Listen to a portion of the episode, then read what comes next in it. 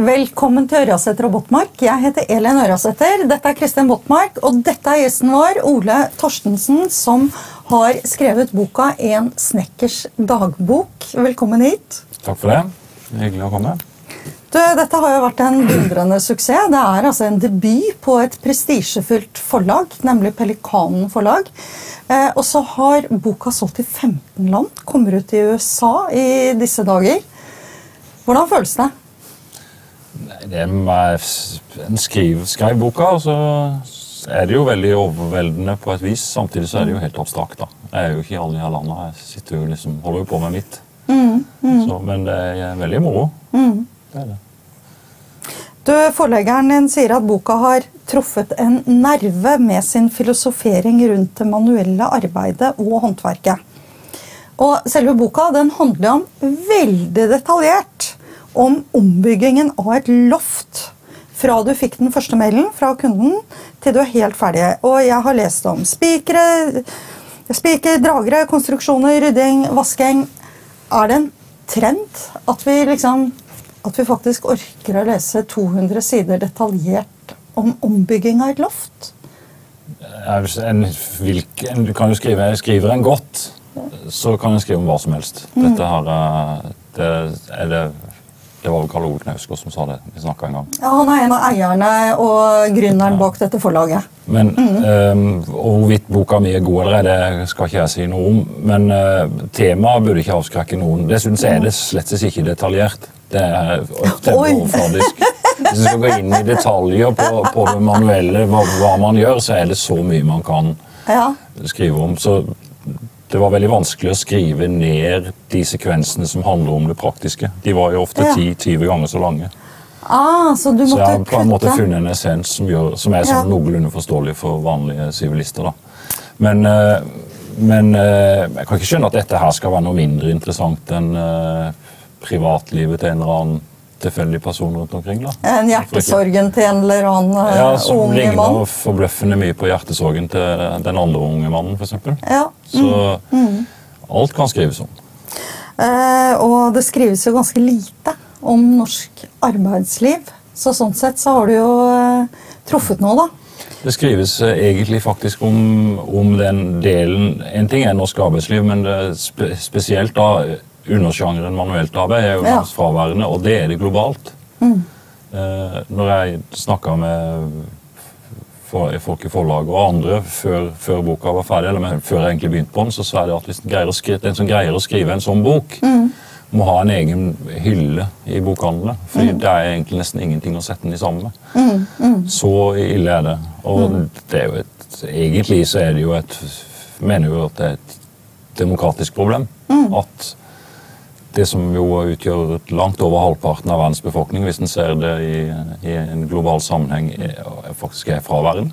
De som jobber med manuelt arbeid? Ja. Mm. Mm. Så, så da har du det der med eh, Dette gjelder jo da litteraturen. da. Det mm. står ikke noe særlig mye bedre til i andre på en måte mediebransjer. Og, så jeg vet ikke. Hvis en snakker med folk i forlagsbransjen mm. osv. Så, mm. så Så jeg er jo ikke spesielt eh, imponert. De sier ofte sånn kompliment at ja, men det er jo så fantastisk at du som snekker kan liksom skrive en sånn bok. på et vis da. Herlig.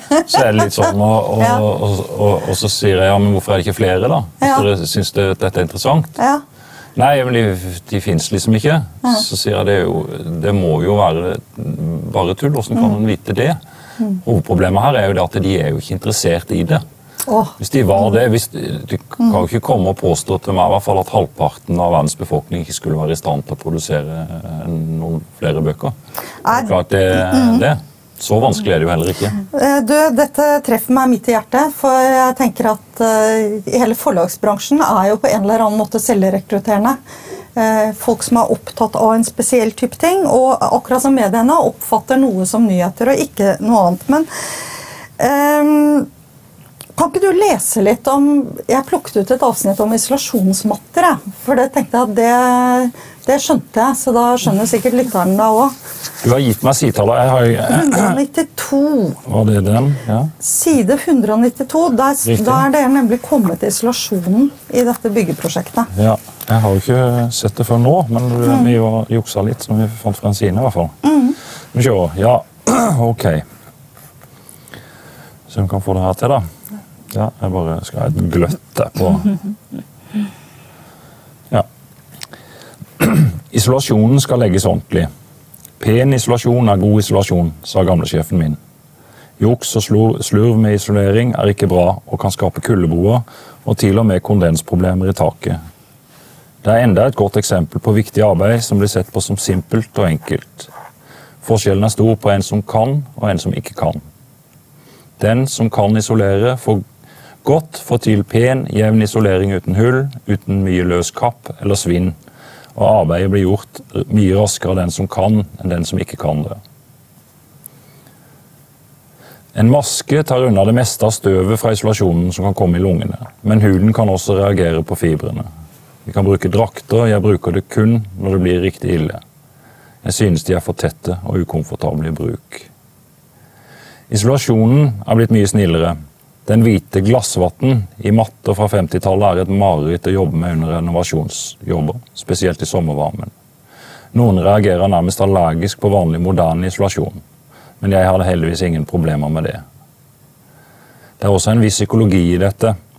Tenker man at man klør, blir kløen uutholdelig. Greier man å la være å tenke på kløe, så kan isolering være en ganske fin jobb, med radioen på og lyden som blir lunere etter hvert som rommet blir isolert. Musikken låter bedre i de myke omgivelsene, spesielt fiolinene og de elektriske gitarene. Dusjen etter en dag med isolering er høyt på listen over de beste dusjene man kan ta. Kaldt vann først, for å lukke porene i huden og skylle bort fibrene, før en god vask i varmt vann. Vakkert om eh, isolasjon og isolering.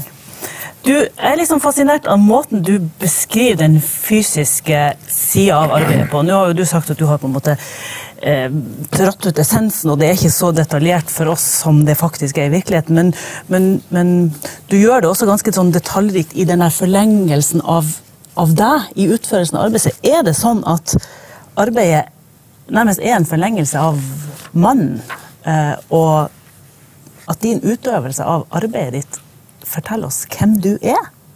Går det an å se sånn på det?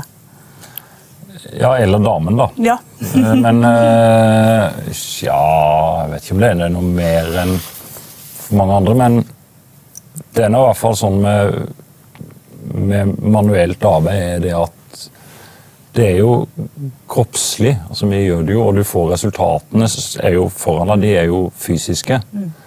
Eh, sånn at eh, man blir altså veldig ansvarliggjort for det du gjør. Hvis man sitter på et eller annet kontor et eller annet sted og arbeider med noe som bruker klisjeen om byråkraten som sitter der.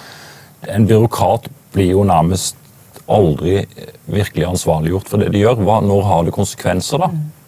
Det er jo Ikke sant?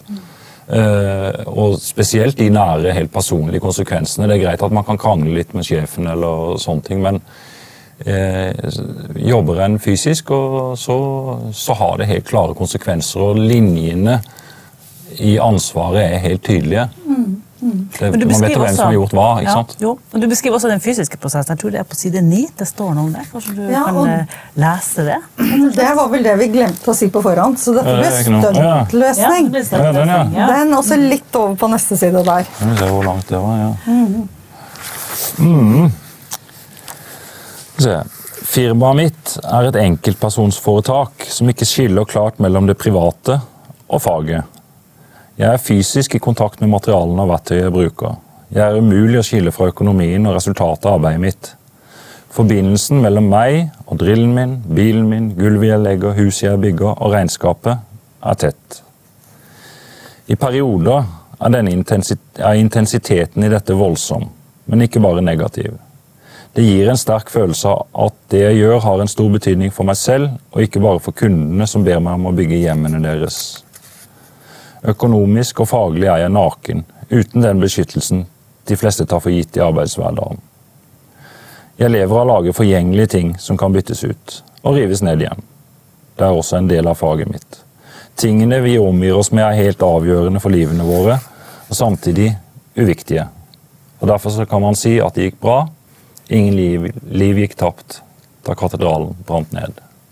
Nå er jo dette her en beskrivelse av fysisk arbeid, men det er en beskrivelse av å drive et enkeltpersonsforetak, og det er viktig. Fordi det å ikke være fast ansatt det er en helt annen side ved dette her, selvfølgelig. Ja, og den beskriver du jo veldig bra flere steder. Det å drive for seg selv. Mm. Og du er jo det at du også da jobber veldig mye alene. Uh, og du beskriver jo uh, arbeidshverdagen din, bl.a. også det å jobbe alene og hva du lytter på, uh, som du mm. også var inne på tidligere med, med musikken. men savner du ikke da et et arbeidsmiljø? Savner du ikke det på det, det psykososiale? altså Dette samkvemmet med andre? Det er ja. egentlig sånn at jeg vurderer sterkt å gi når jeg bare kommer inn i noe mer normalt. Mm. Det, men der er folk veldig forskjellige. Det er noen som stortrives med det. Mm. Eh, faktisk i langløp. Men eh, for meg er ikke det Jeg tror rett og slett jeg må jeg må tenke godt igjennom den situasjonen der. Mm, så leter du etter lyspunktene, som når du har vært på større byggeplasser og må høre på P4 en hel dag? Ja, det, de, den byggeplasser nå i Oslo er en opplevelse Altså, der er 20 nasjonaliteter, kanskje. Ja. Som ikke i og for seg har så mye med hverandre å gjøre, men alle har hver sin radio, og de står på så De er et helt annet lydvolum enn uh, en det er vel kanskje noen kulturelle forskjeller, men du kan ha fire radioer stående som slår og slåss med hverandre med de mest vanvittige radiokanaler eller kan tenke seg. For meg er det helt et mareritt. Mm. Det er jo et eget eh, Det er et godt bilde på byggebransjen i Oslo. Hadde vi hatt mer tid, så skulle vi også uh, snakket om det. Men du skriver jo, når du skriver om det å jobbe jobber for seg selv, så beskriver du relasjonen til kunden.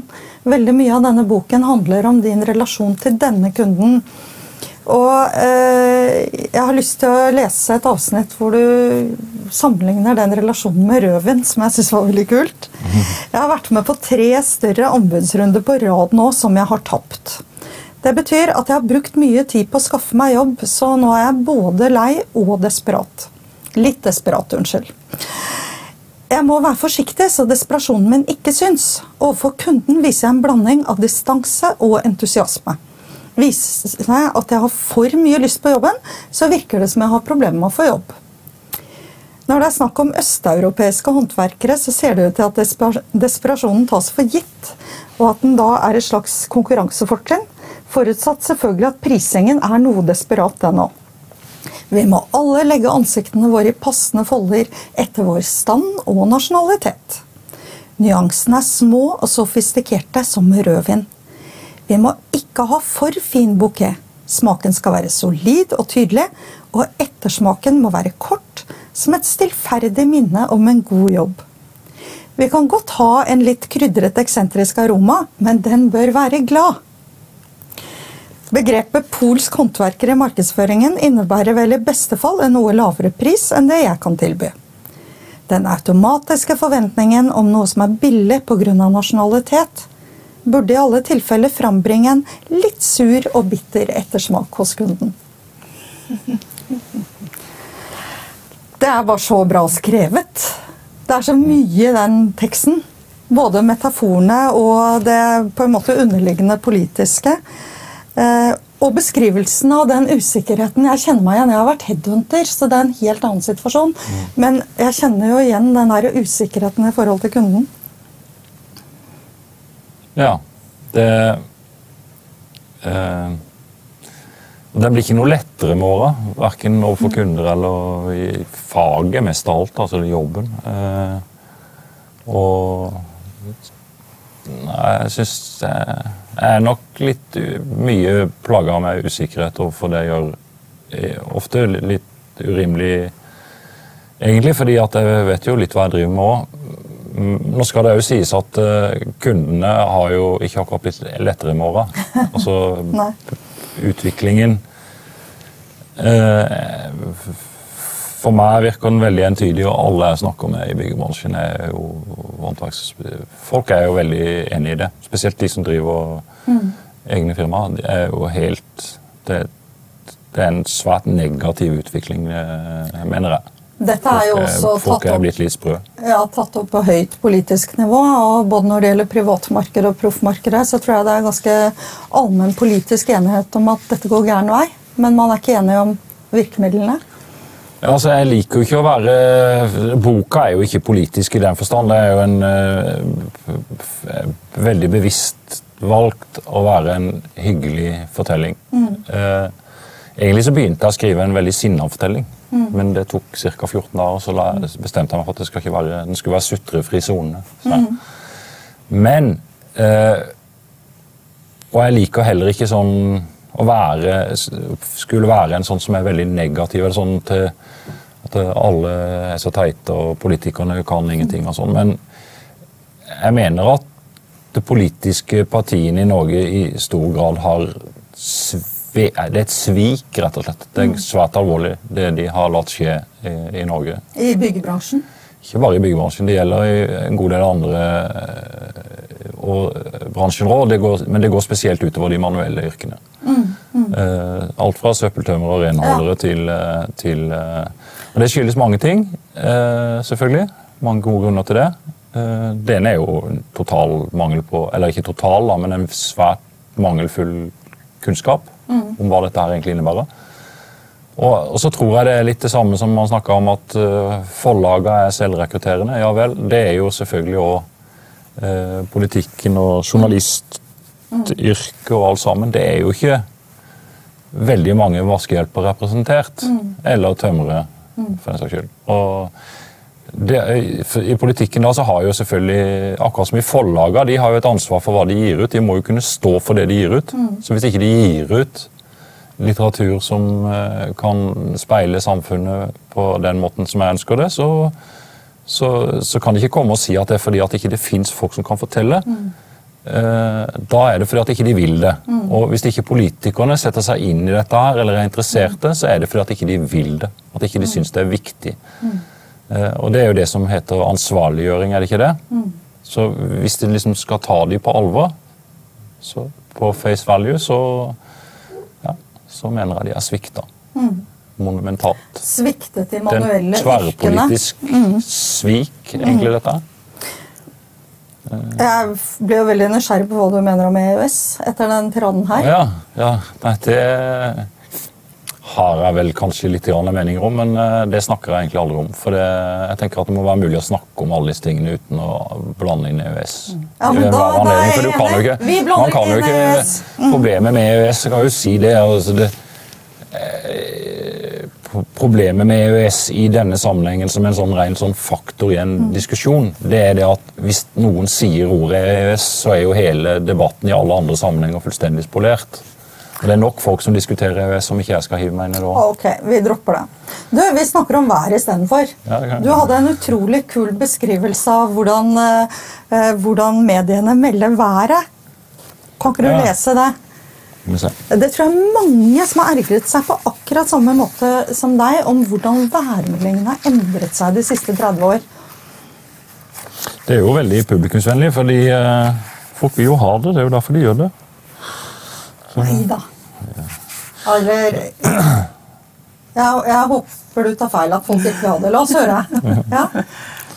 På P1 snakker de om at været gir folk lengre reisetid. Det bulkes her og der, og det er en ulykke på E6 ute ved, E6 ute ved Kløfta sørgående. Ett felt stengt. Etter de vanlige formaningene om å ta det pent i trafikken, være hensynsfull, nesten litt som en andakt for bilister, er det ny værmelding. Hva snakker de om i denne ledige morgentonen når de snakker om været? Bortsett fra trafikken og forsinkelse på veiene er været nesten konsekvent knyttet opp til fritid. Vær og arbeid er sjelden nevnt, bortsett fra værmeldingen med varsel for fiskebankene kvart på seks på morgenen. Det er litt, kanskje, når det er flom eller ekstrem tørke. men det er langt fra værmeldingen i gamle der innflytelsen været hadde på arbeidet, var viktig. Fiskeren ute på havet, jordbrukeren og tømreren. Vi som ikke velger når vi må være ute i været. Vi er ikke lenger med i samtalen om været. Været er noe som finnes i marka, og defineres etter snødybde og skispor, eller sol og badetemperaturer. Ja, det engasjerer i hvert fall eh, vær. Det... Men tilbake til arbeidet. Um, du eh, beskriver en liten fin eh, passasje her eh, om eh, når du syns det også er vanskelig å gå fra arbeidet. Så jeg skal lese litt her. Fredag er en merkelig dag. Mange, og det er vel normalt, blir utålmodige etter å kunne ta helga, vil at dagen skal ta slutt. Fredag ettermiddag får jeg ofte ekstra arbeidslyst. Det er som om jeg kan jobbe helt uten forpliktelser. Jobben er gjort, alt jeg gjør er en bonus.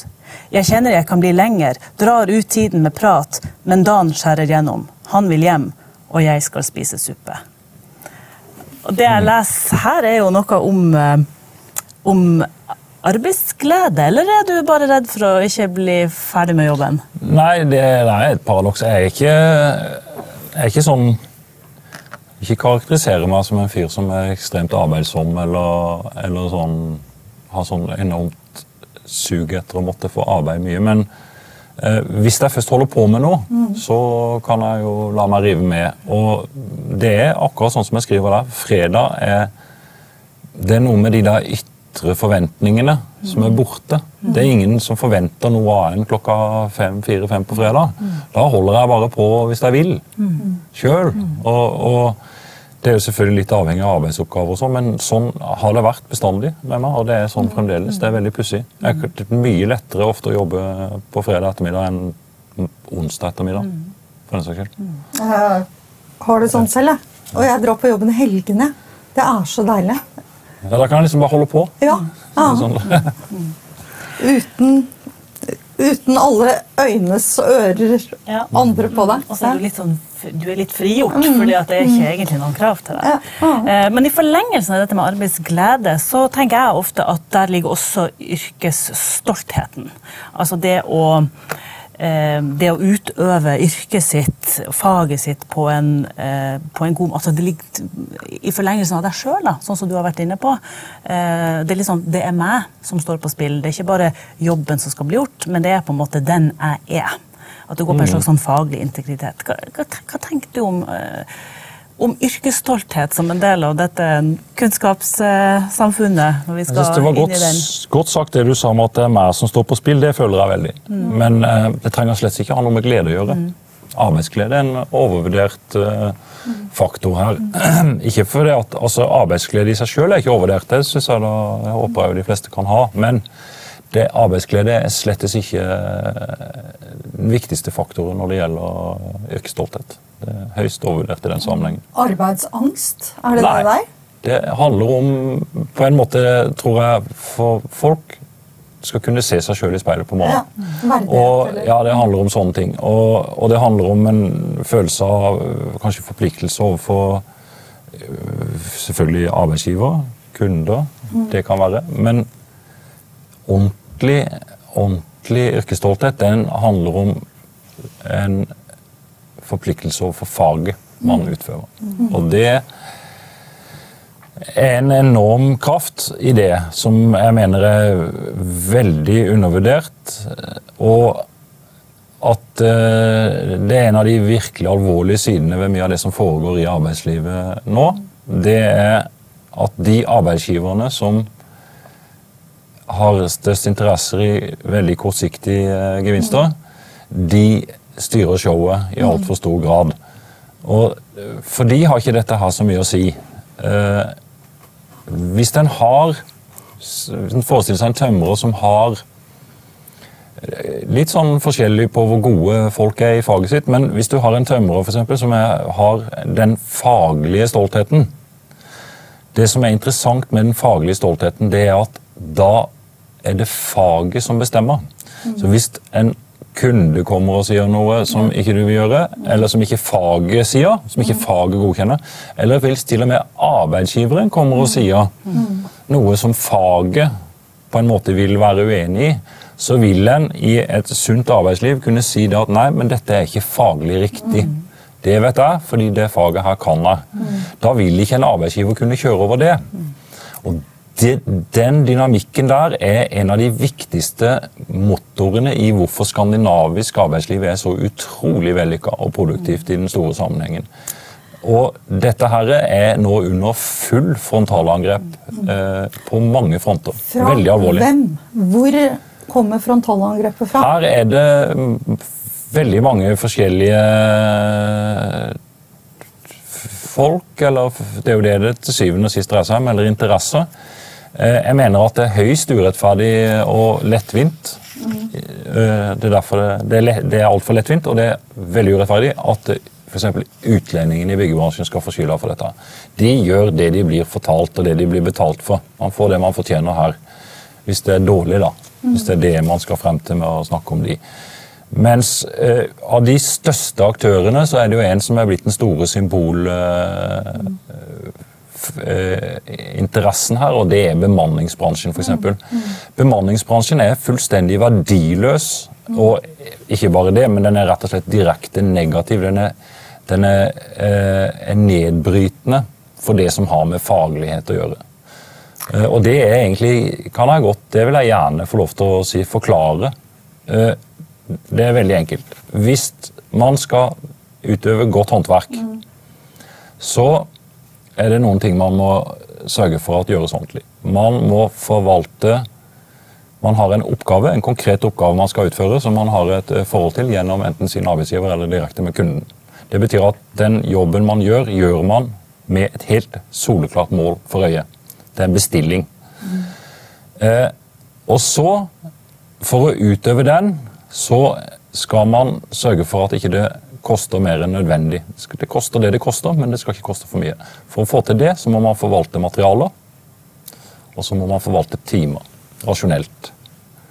Og da får man et produkt som skal være tilfredsstillende i forhold til det kunden vil ha. Bemanningsbransjen de har ikke noe forhold til kundene som bestiller produktene. Det har de ikke, fordi de forholder seg til andre deler av dette her. For eksempel, ja, andre ledder, ja, helt andre ledd. Ja. ingenting, De sitter ikke og forhandler med kunder om priser Nei. eller løsninger. eller noe. De har, de ikke noe med det å gjøre. har ingenting med det å gjøre, de forholder seg ikke til det. De har som regel ikke noe med å kjøpe inn materialer engang. Eller forvalte det. Hvilken interesse skulle de ha av det? De tjener ingenting på det. De, til med andre ord, de har ingen grunn til å drive en rasjonelt forbruk av materiale. Mm.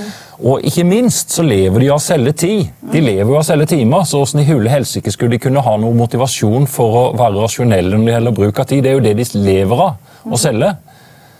Og Det betyr at de, de kan i beste fall bli en minst mulig ulykke faglig. De kan aldri under noen omstendigheter med det som forretningsmodell bli konstruktive bidrag i en hvilken som helst faglig sammenheng.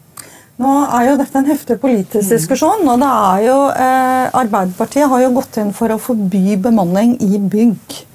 Uh, og uh, det blir en del av tariffoppgjøret. Det vil jeg Så det er jo ikke altså, man, man har, det, er jo, det, er jo, helt underlig. Det har jo vokst ut av alle proporsjoner. Ja, at man trenger bemanningsbyrå i mm. noen sammenheng. Det er jo helt soleklart at de kan fylle en rolle med å, å, å ta toppene, som de sier.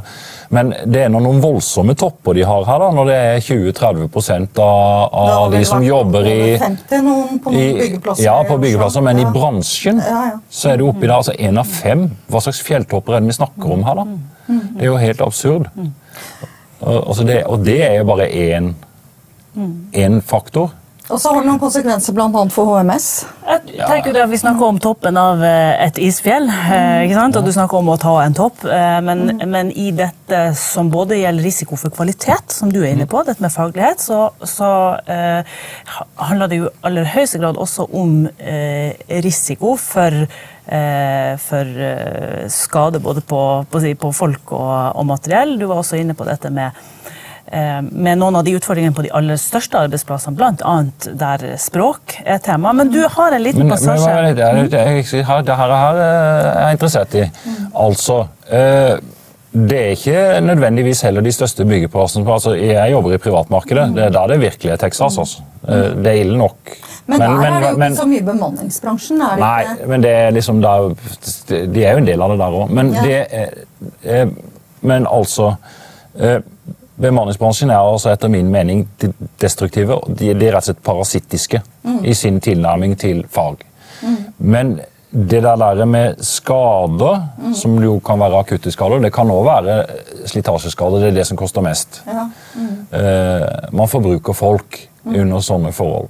Og det som er hele forretningsideen til bemanningsbransjen, det er jo at de ikke tar de faglige ansvaret, men de tar jo heller ikke det sosiale ansvaret på skikkelig vis. Det er jo det de sparer penger på. Hadde de ikke gjort det, så hadde jo ingen hatt noen interesse av å bruke de i den grad de blir brukt. Det er jo fordi at de er billigere enn alternativet, som er å behandle folk mer eller mindre ålreit. Du har jo likebehandlingsreglene. Altså de Ja, er jo ikke her er- billigere i timepris. Ja. Er ikke kostnaden det at de slipper å betale lønnen mellom oppdrag? Ja, det er jo en, Det ja, det er jo en men det er òg en opplæring. Hvem er det som lærer opp og sånn? da? Altså, det, alt dette her koster masse penger. Ja. De holder jo ikke biler. De holder jo ikke en maskinpark. ikke sant? De, de har, nei, de snylter.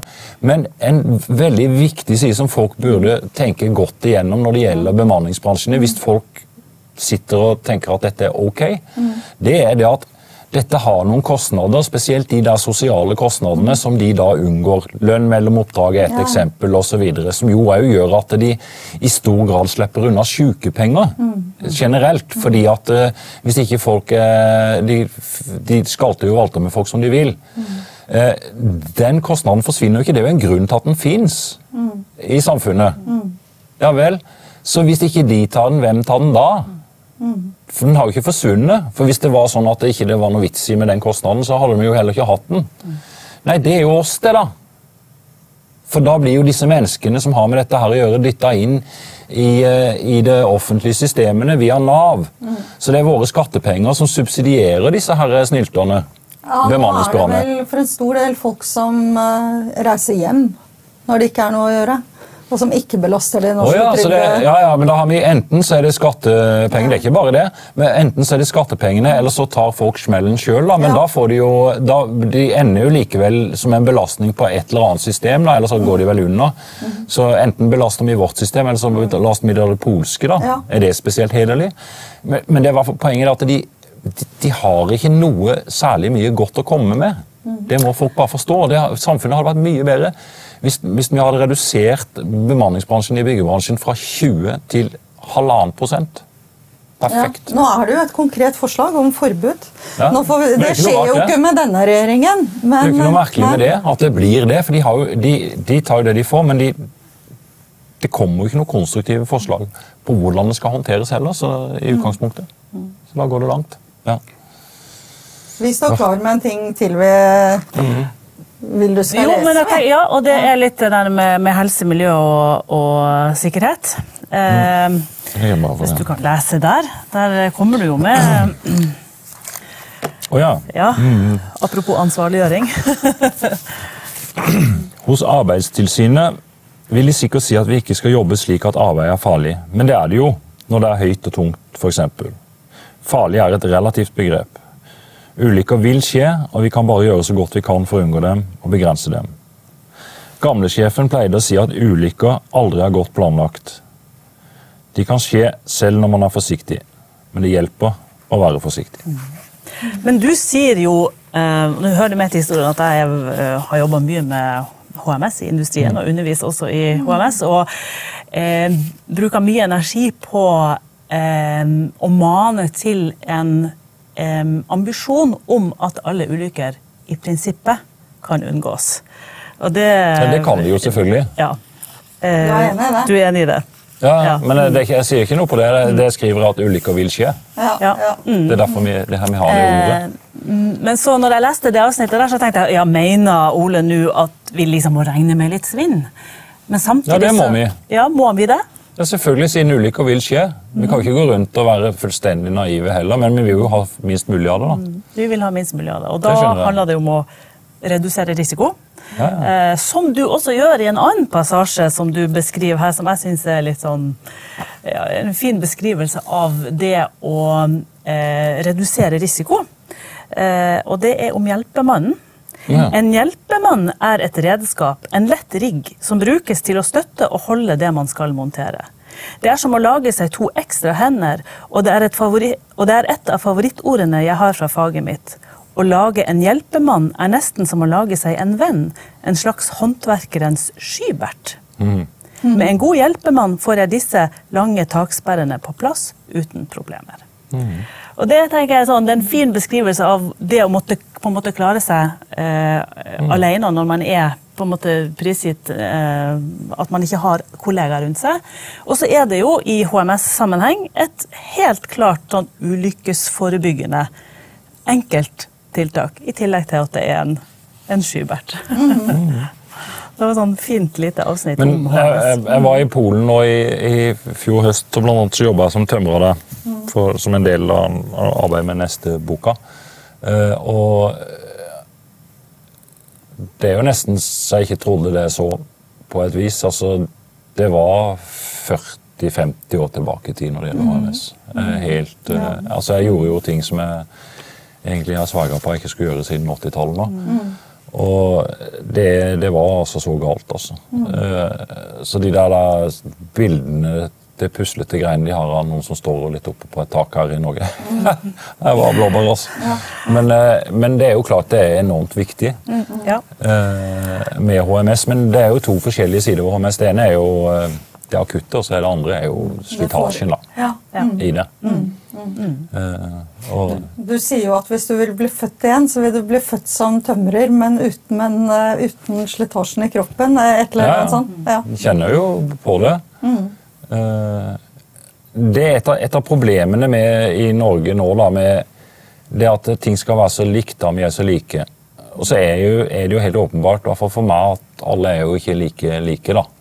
Eh, og så, så lager man så for sånne ordninger som AFP, og sånn, og den har jo de som den har jo deler av befolkninga som slett ikke var ment for å grabbe til seg så godt de kunne, så fikk de enda mer. da.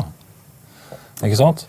Så det, det er noe med Jeg har hatt med mange eh, diskusjoner med forskjellige folk om disse tingene her. og eh, Jeg syns jo en ting som på en måte akademikerne og sånn burde være storsinna nok til å si at de skjønner jo det at folk som jobber knallhardt fysisk, har litt ekstra utfordringer. Eh, og det blir jo ofte para da sånn HMS-messig med at ja, men det, er så, det kan bli så trist er så vanskelig forhold på jobben. Så mye krangling, og sjefen er så sur, og det er helt sånn eh, forferdelige Hva heter det? Psykososiale forhold. Psykososiale forhold. Så. Og så sies det nærmest som om sånne som jobber manuelt, ikke kan ha like forferdelige psykososiale forhold i tillegg. da. Så det er jo som om, og det her er jo en del av den der romantiske forestillingen om at arbeidet arbeid er adler. Men det er jo helt åpenbart at det er jo det fysiske arbeidet som adler mest. Det er jo det hederlige. Så, det, så det hele kulturen vår er litt eh, sånn Isak Selland-rå, på et vis. ikke sant? Men- og så- og så er, det ikke, så er det ikke reelt, det er fake. Stemmer ikke? AFP blir jo også et uh, tema i tariffoppgjøret nå. Det er mye av det du er opptatt av som går rett inn i den politiske Jeg er glad for at jeg ikke har noe med det å gjøre. Jeg er jo selvstendig næringsdrivende. Så. Eh, Men tilbake til skaperprosessen, for det syns jo jeg du gjør. Du klarer å ta oss gjennom en fortelling om ombyggingen av et loft, eh, og eh, fortelle det som en slags sånn skapelsesprosess.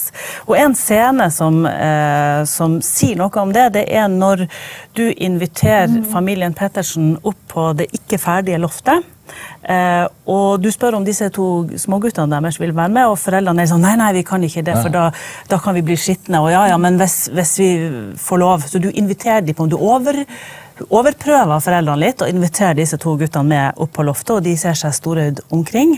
Eh, og de, du prøver å forklare dem hvor ting skal være, og du ser at de strever om å få sett, sett det for seg, hvordan dette skal bli når det er ferdig, men så får de øye på noe annet, og det er verktøyet. Jens og Fredrik ser verktøyet mitt, den store kappsagen på stativet sitt, hammeren og vinkelen som ligger på en verktøystabel.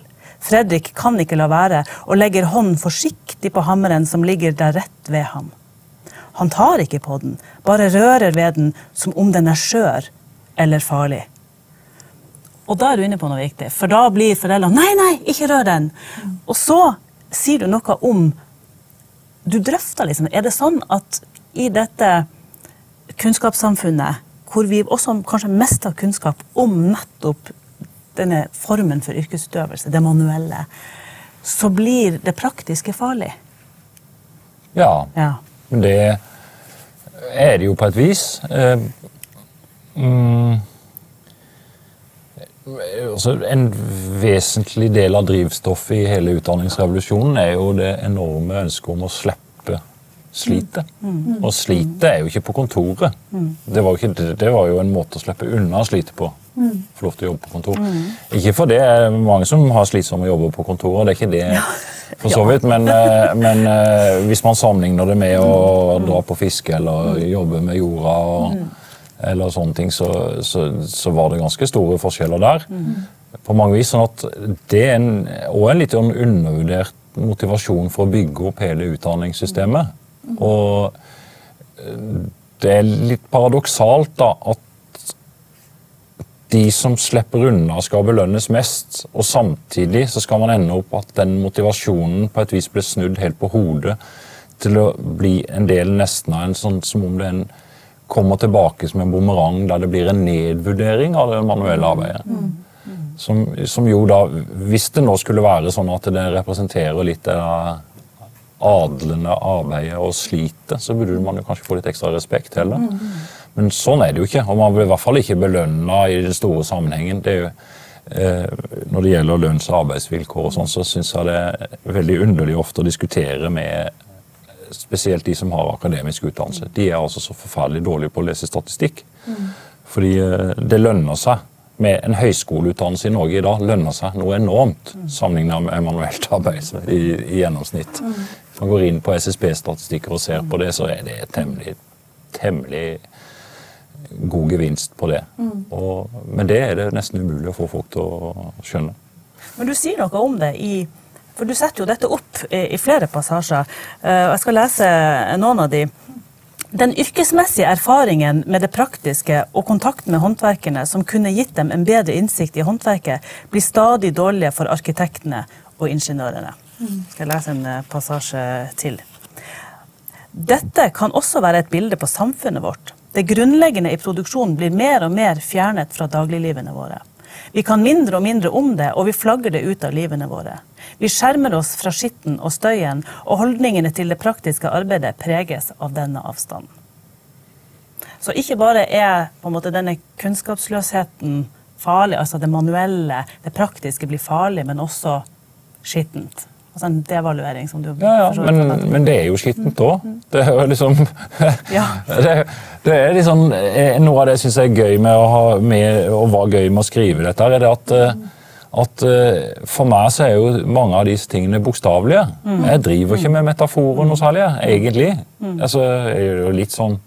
Men, men men det er jo interessant at hvis en skulle skrive, bruke liksom de samme bildene, så ville alt vært abstrakt. da. Hvis man satt i for eksempel, og hadde en jobb i plan- og bygningsetaten og skulle skrive en bok om den jobben, så, så ville man på en måte nesten ikke kunne finne noe annet enn en metaforer for å uttrykke det. da, At kanskje man eh, hadde noen problemer med bindelsene. Jeg vet ikke hva det skulle være. Eller dataproblemer. ikke sant? Men alt Dataproblemer. ja, ja, Det er, noen burde skrive en bok om dataproblemer. Eller dårlige psykososiale arbeidsforhold. Ja. Det har jo folk skrevet om, og det er kanskje litt uttømt, men, eh, men dataproblemer syns jeg var en god idé.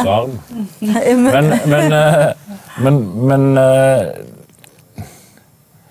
Det er jo egentlig ikke så sabla komplisert, alt dette. Det er, det er en jobb, og det fysiske Virkeligheten er interessant. Et menneske som ikke skjønner det, har jo ikke noe liv. Altså, hvordan, da- hvordan, Hva spiser de, da? Har de sex noen gang, eller hva som helst? Alt dette her er jo faktisk fysiske greier. Det er ikke metaforer, det. Og, og det gjelder jo da det arbeidet. Det er helt underlig å se i skoleverket f.eks. hvordan unger som, som kommer inn i det her eh, systemet, og så er de seks, sju, åtte år og syns det er kjempegøy. vet du, alt, alt, De sitter jo ikke der og diskuterer med metaforer og sånn. De vil jo ta i ting og holde på. Og det holder de på med, men et eller annet sted mellom første klasse og tiende klasse så har skolen greid å nærmest vaksinere disse barna mot veldig mange av dem, mot dette her, og, og til og med nesten fått ungene til å gå rundt med noe i nærheten av en jeg vil ikke si forakt, men i hvert fall en ganske stor grad av mangel på respekt for, for uh, manuelt arbeid. Altså, man kaller jo yrkesfagene nå for polakklinja osv., så, det er jo helt mm. merkelig. ikke sant? Men det er de samme folka som jeg kan sitte på puben med og diskutere, og så sier de ah, tømrer, ja, kult. Ja, ja. Bra, ikke sant? Du holder på. Mm. Uh, og så er de interessert i det, og så går de hen og hyrer polakkene. Mm. Med, og bidrar til sosial dumping og sånn. Og så kommer de det har jeg opplevd, kommer de og skryter av jobben som er gjort mm. eh, seinere hen. Du har jo en del passasjer om dette også når dere sitter og diskuterer på Teddys, bl.a. Teddy Softbar. Mm. Så det er jo også en, på en måte en Oslo-bukk, dette her. Mm. Mm. Vi begynner å nærme oss slutten, vi. Vi gjør det. Mm. Ja, skal, vi, skal du eller jeg takke av? Skal vi takke av? Ja. Um, Ørjasæter og eh, Botnmark, som vi jo liksom offisielt heter, vi uh, er veldig takknemlige for at du Ole Torstensen, uh, tok deg tid til å komme hit i dag og snakke med oss om en Snekkers dagbok. Og vi kan jo ikke gjøre noe annet enn å anbefale. det her Det er jo folkeopplysning. Så her alle som på en måte er eh, opptatt av å være opplyste mennesker, må skaffe seg denne boka her. Og så er det en nydelig bok. En, en nydelig tekst. Absolutt. Veldig mange fine, vakre passasjer om arbeidet. Eh, vi må jo også takke de som følger oss. Eh, vi har tidligere hatt eh, samtaler med henholdsvis Olaug Nilsen og eh, Alfred Fidjestøl. Eh, Tung tidsdale fra eh, Olaug Nilsens hånd er jo svært eh, prisbelønt. Og likeså er jo Alfred Fidjestøl sin eh, bok 'Nesten menneske', biografien om Julius. Så de samtalene går det også an å høre på. Eh, de fins på Soundcloud og på iTunes. Ja. Eh, og det kommer mer fra mm. vår kant, mm. så det er bare å henge med. Mm. Men før vi gir oss, så vil vi veldig gjerne at du leser et sånn avslutningsvis en liten passasje. passasje. Om å løfte. Å ja. Om å løfte sammen. Det er på side 99. Nå har jeg briller igjen, da. Skal det bli noe skikk på det. Da tror jeg jeg leser ut. Mm -hmm. Der, hvis det er greit. Ja. ja. Skal vi se om vi har noe vann først, da.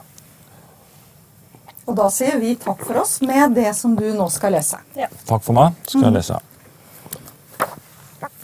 Noe av det fineste jeg kan si om andre, er at vi har løftet tungt sammen. Bokstavelig talt tungt. Det er en helt særegen opplevelse å bære i hver sin ende av noe tungt og kjenne den andres bevegelse forplante seg gjennom gjenstanden. Jeg kan kjenne om den andre er flink til å bære om den andre bare er hensynsfullt overfor meg eller bare tenker på sin egen bør, og jeg kan tenge, kjenne når den andre blir sliten. Slitet merker man på skrittene, når bevegelsene blir unøyaktige. Slitet blir uttrykt ved stillhet. Alle som kan, burde løfte sammen, av og til. Det er en fin måte å bli kjent på. Det fysiske er ukomplisert på den måten at det kan oppleves direkte som vekt, som kilo, og da kan man la være å tenke for mye på det som er rundt, det uvedkommende i øyeblikket. Det er viktig å huske at det er forskjellig for oss hva som er tungt. Vi bærer oss sammen, og kan ikke bære tyngre eller mer enn det den svakeste av oss greier. To personer er som én. En. en annen variant er når man løfter noe virkelig tungt sammen. Fire personer som løfter en drager. Man er prisgitt hverandre, om en slipper, kan noen bli skadet. Hele tiden små kommentarer, beskjeder og justeringer av arbeidet. Vi må snakke sammen. Hvis praten stopper, kan det gå galt. Da slutter vi å jobbe sammen. Ok, vent, stopp. Litt opp. Vi tar en pause. Innimellom, når det er rom for det, når vi har spesielt god kontroll, kommer spøken. Og folk ler lett når det de gjør er anstrengende og spennende. Avtaler om at jeg gjør slik, og så gjør du slik. Vi vrir den opp der og ned der, så går den igjennom. Nå er den på plass. Faen, bra. Det har vært en fin dag. En blanding av ren sjaujobb, organisering, tenking for å få alt plassert riktig. Vi har jobbet hardt. Nå kan vi rydde, ordne de siste tingene. Jeg kan telle til hullet i taket. Jeg har gjort alt klart, så det går fort. Verdien på dagen med arbeidet som er gjort, leie av krana og materialene er på 140 000 kroner. Materialene som er lastet opp, er som en blodoverføring til loftet. Det skal få bedre dager nå. Vi slukker og går sammen, i arbeidstøy, på puben.